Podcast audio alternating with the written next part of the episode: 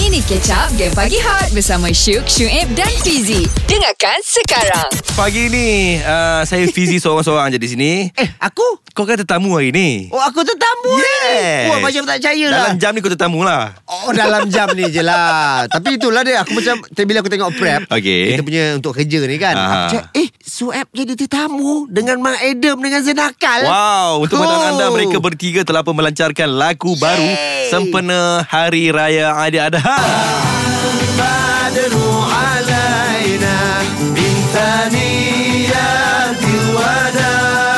Ah, Oh. Ya. tajuknya teh terakhirku guys. Ah, Yeah. kejap lagi kita akan bersama-sama dengan uh, Mark Adam, Zain Mhm. Nakal dan juga penyanyi baru Soeb.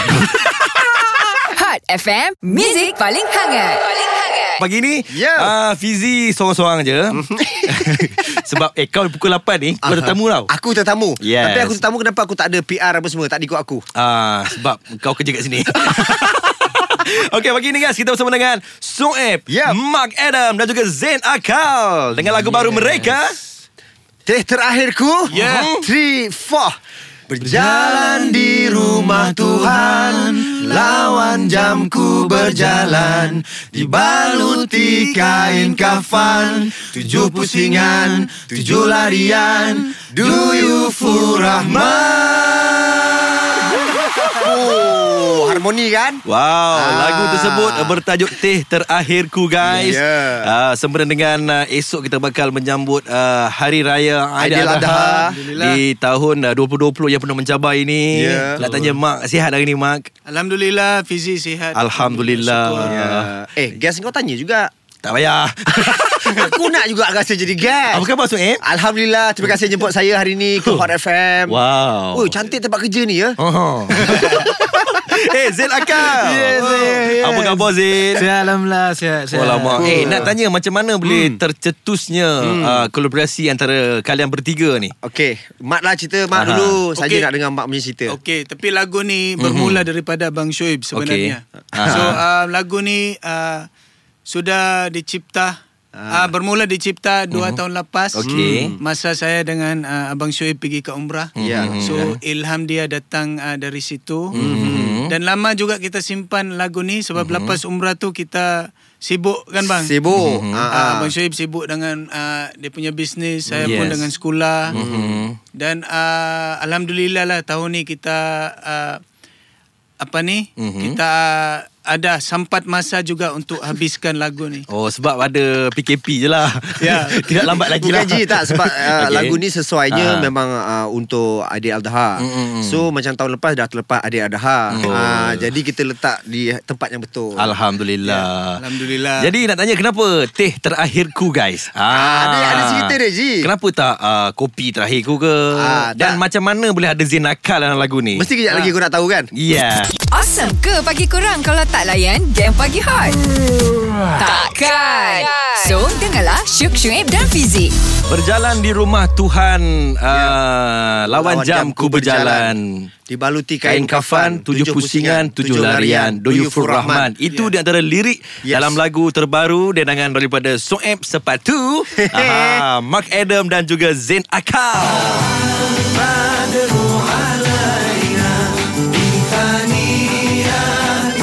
Lagu ni memang betul-betul uh, Mengingatkan kita tentang uh, Kerinduan kita tentang uh, Tanah suci Mekah Dan juga Madinah Yes Ya, betul. Okay lagu ni Aku dah lama dengar Ah, ah. Ah, kan, kan? Mula-mula kau buat Rafli Raf pasal lagu ni aku dah dengar Betul. Tapi macam mana tiba-tiba boleh ada Zain Akal Ah, kita Dia macam ni ah, Si budak Ji. nakal ni kita Sebab Ji okay. Okay. uh, Memang bila lagu ni siap Memang Mhm. mm. ada satu part tu Ada 8 bar Okay. Yang memang kosong Jadi masa tu tengah fikir Nak panggil rapper Mhm. Kemudian sampaikan uh, Terfikir juga Letakkan ceramah kat situ Ji Wow. Maksudnya bila tempat tu kosong Kita boleh buat macam-macam Mhm. Okay uh, Bila kita nak la- letakkan part rap dekat situ Masa tu ramai artis yang kita panggil juga Tapi Mhm. mm. diorang sibuk Tak boleh nak buat kan So uh, I leave it uh, I leave it to Mark Adam Wow You speak English now eh Aku kan. okay. lepaskan kepada Mak Adam yeah. Yeah. And then Satu hari tu uh, Dia bagi WhatsApp mm. Mhm.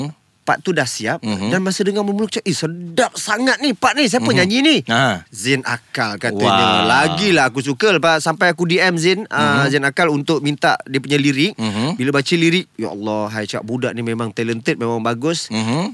macam mana dia dapat ilham tu tak tahu kita tanya dia lah. Ah, Zain. Zain Akal Yes, silakan. Ah, Pak Lorep dalam lagu ni Zain Macam yes. Yes. mana boleh tercetusnya idea ni? Hmm. Uh, tercetusnya idea tu sebab memang masa tu baru dapat lagu ni. Hmm. So mula-mula Siapa yang hantar lagu ni? Abang Mak ah. Uh, ah abang mak ah. So bila- mula-mula confident tu tak ada lah sebab Okey. okay. kita kita tak nak tak pernah try lagi lagu-lagu Islamic macam ni. Aha. Tapi kita nak beranikan diri so kita try lah. Ah, So bila try tu uh, alhamdulillah lirik tu tak sampai 10 minit alhamdulillah. Tak Sebab- sampai 10 minit. Sangat sangat sekejap.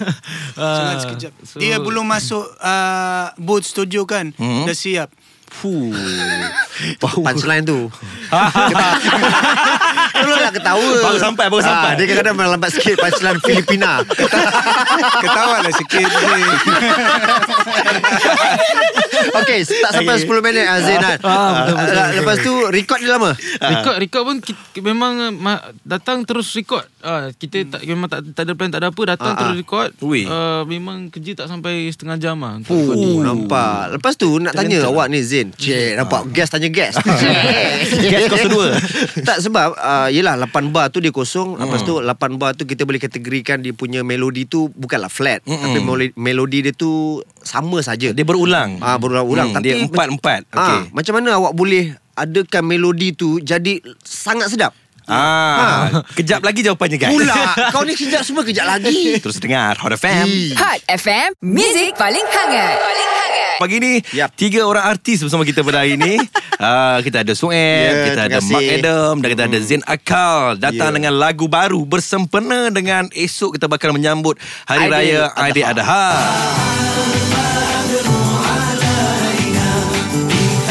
Anda boleh check it out dekat uh, YouTube Cari je Teh Terakhirku Ya betul. Ah, Dah nak tanya keluar. Zain Akal Yep. ah, Melodi lagu ni Okey. um, Liriknya 10 minit Ah. Ah. Macam mana boleh dapat tu? eh? Mm-mm, Ah, melody. Rasanya sebab saya pun pernah berada di sana. So pengalaman okay. tu ada. So jiwa tu dalam lagu tu ada. Hmm, Mm-hmm. Wah. so lagi senang ah benda tu nak kita nak buat. Ha, Ah, Sampai terus eh Ah sampai terus. Memang alhamdulillah ah, dipermudahkan. Alhamdulillah. Ah, dia menyedapkan part dia tu. Ya. Ah, dia lebih-lebih lagi second dia tu. Hmm. Ah, cuba yang second tu. Na na na na na na. Cuba. Ah, hilangnya gelisah di Madinah Hmm. Tenangnya sujud di tanah rauda Tenangnya hati hingga lupa marah Ya. Semoga bertemu kembali kota Mekah Fu Amin. apa? Ah. Fuh, lah, mak- meremang bulu roma be. Bakat besar eh. Yeah. Ah. Eh, awak artis kan hari ni Awak diam saya okey awak suruh saya diam. Saya nak Yes. komplain. Saya Okey. Ah. awak cakap guest saya ni. Aha. Kenapa saya kena datang daripada 6 pagi? Kenapa? Ah. Awak selalu guest untuk 8 ni datang jumpa ke 7.30. Ah, Awak gas sejam je saya bekerja di sini. Awak bekerja di Oh, saya sini lupa. Awak dia bayar gaji ya ah, awak nak tanya apa tadi? Ah, saya nak tanya kenapa teh terakhirku? Okey. Ah, kenapa tak ah, ah, apa nama Neslo? Sa- saya jawab Mak eh. Ah, singo Okey, peng ke? Sebab lagu ini Ilham ini datang Hmm. betul-betul depan Masjidil Al-Haram. Alhamdulillah. Ah, masa Hmm. tu kita lepak dekat ada depan Masjid Ha-, Masjid Al-Haram tu ada ada bangunan, ada kaki lima Hmm. Okey. dan dekat bangunan tu pula dekat tingkat berapa tak ingat dia memang ada jual teh. Hmm. So setiap hari uh, pekena teh tu Awak dengan ni dengan lah. Mak Adam Mhm. duduk dekat kaki lima tu uh, minum teh Mhm. sambil bercerita banyak benda. Tapi banyak benda tu ialah pasal kita di Mekah. Mhm. Memang Mak Adam bertanya tentang uh, Islam, tentang itu, tentang ini, tentang Mekah, tentang Kaabah, banyak dia benda lah Mhm. yang ditanya kan. Okey. Tiba-tiba datang ilham tu memang tengah pegang teh. Fuh. Bila datang ke masa tu Terus lock tu melodi tu Mhm. Ya. Terus mm-hmm. mak keluarkan handphone Terus lock Terus simpan melodi tu Ah. Ah. dia melodi first na na na na na Ya. kan na na na na na na na na na na na na na na terus Oh, lock Ah. alamak. Ada hook lagu tu eh? ada hook ah mak ada mak nak tambah apa mak Ya dan uh, juga takut diam lama sangat ada ada selawat kan. Ah, selawat Nabi. Adalah, uh, lagu ni. Kenapa ada selawat? Kejap lagi jawapannya Hmm. La guys. ilaha illallah Itu je lah kau ni Kalau bila orang cerita sikit dia, Aduh Sebagai guest saya tak puas hati lah Macam ni Jangan dah 3 minit. Oh dah 3 minit Hot, hot FM. Awesome ke pagi korang kalau tak layan game pagi hot? Takkan. So, dengarlah Syuk Syuib dan Fizik. Pagi ni guys Getih Terakhirku Ya. Lagu dendangan daripada Sung App Mark Adam dan juga Zain Akal Yeah. Ah. Ya. Tadi soalannya apa eh? Soalannya kenapa ada selawat dalam lagu ni Ah, itu sebenarnya idea tu Mhm. mm-hmm. kalau betul-betul pure idea datang daripada isteri saya lah. Wah, Siti Alhamdulillah. Mhm. Sarah. Ah, Sebab melodi melodi lagu ni mm-hmm. ah, dia okey pertama alhamdulillah dia strong lah. Mhm. Mm. Ya ya ya Lepas tu lagu ni dia masa tu kita fikir dia pendek sangat kan bang. Mhm. Ya. Ah, so kita macam macam mana kita nak tambah melodi lagi ya? Mhm. Ah, so Omar Omar saya dia beritahu dia cakap apa kata letak selawat Nabi tu. Mhm. Ah, lepas tu bila fikir balik ah, bagus juga sebab ah, contoh pada yang mungkin tak tahu boleh jadi tahu. Mhm. Betul. Kalau mungkin pada yang dah tahu tapi dia benda ni kadang-kadang kita jarang amalkan. Mhm. So bila jarang amalkan takut lupa. Ah. Ah. so bila kita adakan kita adakan dalam lagu Mhm. so kan lagu ni orang selalu ikut-ikut. Aha. Ah, jadi kita harap-harap pada yang mungkin orang besar, lagi-lagi budak kecil lagi. Mhm. Mm-hmm. Bila dia menyanyi, lama-lama dia hafal, dia hafal selawat Nabi ni. Mm-hmm. Mhm. Hmm, Alhamdulillah At least uh, secara tidak langsung Bila mendengar lagu ni Kita turut berselawat bersama-sama Betul Ya. Ji. Alhamdulillah Betul, Ji. Yes Oh, awak tambah itu je. Mark macam mana bekerja dengan Sueb dengan Zain Akal ni Aha. Ya Ji, okey. Uh, Ya Mark sangat senang. Okay. Sangat senang. Uh, uh, kita ada tahu saya memang rapat dengan uh, Abang Shoaib. Aha. Zinakal saya baru Mhm. jumpa. Okey. Mm, Untuk lagu ni hari tu. Saya dah pernah dengar. Mhm. Tapi dulu-dulu saya jumpa dia. Mhm. Zain Akal ni memang uh, sangat humble orangnya. Humble. Humble, Hmm. humble. Ah. Humble. Humble. Sebab Saya saya ingat lagi masa saya Hambul, hambul, hambul, hambul. jumpa Okey. dia. Baik. So saya tak tahu pula yang kita boleh bekerja dengan satu lagu. Ah. Dan masa dia datang pun perangai yang sama. Baik. Sangat dia Humble. ada ba- ada vibe tau. Ha, ha. Ya. Dia ada vibe yang sangat positif dan sangat berbakat lah. Ah. Betul. Ya. Ah, sebenarnya kita pun bertuah dapat ah, Zin, Hmm. Zin. Akal dalam lagu Mhm. ni. Hmm. Betul. Ah. Betul. Semakin, semakin meningkat naik nama dia. Betul Ji. Yes. Eh, Ji. Ya. Tapi kita nak ucapkan terima kasih juga pada Hafiz Hamidul sebenarnya. Aha, aha. Dia yang paling banyak guide untuk selawat tu. Ah, ustaz. Ah dan Aha. dia pun memang ada album apa zikir dulu Zikir. kan. So dia cakap ini kena betul-betul. Dia ada caranya, ada bacaannya, ada sebutan yang betul. Yelah yang guide je. Kita Ah. cuba bayangkan berapa jam kita rekod Oh, selawat tu. Itu saja. Ulama. Ah, part yang solo semua lain Okey Hmm.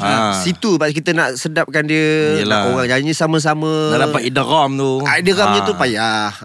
Ah. Eh Zain diam je. Kita Ah. tanya lah Zain. sikit. Zain Ah, mana? Nanti kau aku cakap dia tanya Zain. Okey jawapannya selepas ini. Aku takut Oh, macam gitu. Kita lagi aku nak tanya Zain je. Ah, okey tanya Zain je kejap lagi boleh. Ah. Okay, ini lagu dengan daripada mereka bertiga guys. Kali Ini? pertama Oh, ah, ya lagu Allah. ni Oh, syukurlah. keluar di Hot FM. Oi Ji, ya Allah syukur Ya. mak, mak lagu kita keluar mak. Alhamdulillah Ji. Hmm. Dua tahun lepas berfikir-fikir dan sekarang ni dia dah ada di radio syukurlah Allah Allah ada Alhamdulillah. kuasa. Cuma Cuma Hafiz tanya tadi dia WhatsApp aku. Apa yang Midun? Duit studio boleh nak bayar? mak awak belum settle ke mak? Hot FM, Music paling hangat. Paling hangat. Hmm. Awal tahun lepas lah. Okey. Kau cakap macam mana je lagu-lagu ni kalau play kat radio. Ah, Aku ingat lagi eh. em. Dan ma- dan Hmm. sekarang ni dah dimainkan, dah siap lagu ni Ji. Alhamdulillah. Hmm. Syukur Ji, aku nak minta request lah pasal aku bekerja di Hot FM. Boleh tak lagu ni dimainkan untuk sebelah pagi saja dalam 20 kali? Boleh tak? Oh, tak boleh, iklan tak semua boleh. kita tolak ke tepi Ji. Tak Tolonglah boleh. Ji, iklan tu Ah. kita boleh letak lagu ni Ji. Aku nak play lagu Mak Adam lagi. Okey. Lagu Zain Akal lagi. Oh, maksudnya lagu lain orang. Ah. Okey lah, aku nak request je kalau boleh. Hmm, tahulah lagu kau. Kuatnya airplay kan.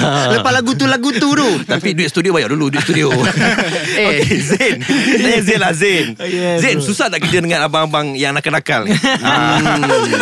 Susah ke? Tak ada Fun lah orang kata Fun lah. Ah, Kita enjoy lah bekerja tu Yeah. Hmm. yeah. tak, tak rasa bekerja lah Bila kita buat benda tu Orang kata minat So benda tu tak rasa kerja lah Ah, lepas tu kita Ji, fun lah. ah, baru-baru ni masa launching aku ah, lo- launch, launching PC eh, PC lagu ni, kita dah nyanyi sama Ji. Tahu aku tengok. For, for the first time. Pakai serban tu. Oh gabungan yang memang Diorang request Diorang cakap Boleh tak pergi ke AJL lagu ni Masa tu diorang minta Aku Oh. cakap Tunggu relax dulu Benda ni Hmm. jangan kelang kabut Cakap Pasal diorang nak Macam ni ke AJL ni Sama Syamil pun tadi whatsapp aku Dia tak bagi balik trofi Oh, ni ambil bu- Buku sendiri. terbaik Gurau gurau gurau gurau So uh, awak rasa Akan ada kolaborasi lagi tak Dengan Ah. uh, Mark dan juga Sueb Selepas ini InsyaAllah InsyaAllah Untuk Ah, first ni kita Kita Hmm. dah jalan Dan tak ada masalah, sebarang masalah So untuk second time Why not kan Ah, macam ni Zain, a- apa kata? Sebab sekarang ni lagu ni kita bagi awak. Aha. Apa kata awak buat lagu untuk kami nyanyi dengan awak? Handsome Ah, handsome. handsome. kan? Benson. Ah, lagu daripada dia kita nak dengar pula. Yes. Kita masuk kat sana. Sebab Zain ni memang seorang yang uh, boleh dikatakan Wish. Wish. bakal uh, komposer yang bakal uh, menjadi pelapis. Betul. Pada InsyaAllah. komposer-komposer yang ada sekarang ni. talent besar je dia ni. Betul. Ah. Saya memang follow rapat dengan awak ni. Follow Cik, rapat. follow rapat guys. Dia macam Marquez dengan Rosia. Hmm. Ah. Okey, uh, apa perbezaan kerja dengan orang lama dengan uh, kawan-kawan seangkatan? Uh, perbezaan dia uh, uh, pendapat lah pendapat tu lah. pendapat tu orang kata bila bekerja dengan orang yang sama bahaya ni kita punya pendapat tu sama je lah kan sebab kita sebab tak, orang tu tak ada pengalaman sangat Ah, so bila bekerja dengan abang-abang ni banyak banyak pengalaman lah yang kita dapat Ah, nasihat semua Ah, so benda tu lagi best lah Apa Hmm. nasihat yang uh, Soek bagi? Kau jangan cakap selepas ini pula jawapan dia. Kalau dia Ah. dengar sekarang. Ah, dengar sekarang. Kita- nak dengar sekarang. Okey, selamat. Nasihat banyak ah, basically banyak ah borak dengan Abang Syed lama hmm. juga kan tapi dia, dia punya uh, key of success tu orang kata work hard. ah, Work hard. Work hard lah, Work hard betul. Lah. Apa-apa pun kita ni walaupun muda ni tapi orang kata masa tu orang kata kita tak tahu berapa lama kita ada kan. So selagi masa kita ada tu kita gunakan lah dengan baik. Hmm. Oh, ah. nampak berbeza sekarang Zain Akal kan. Alhamdulillah. Berbeza dia lebih matang. Ah. Janganlah Ah. berkawan pun dengan o- o- orang yang lebih berke- berpengalaman. Ah. Ah. Nak cakap tua kan marah pula. Dengarkan Game Pagi Hot setiap Isnin hingga Jumaat jam 6 hingga 10 pagi bersama Syuk, Syuib dan Fizi.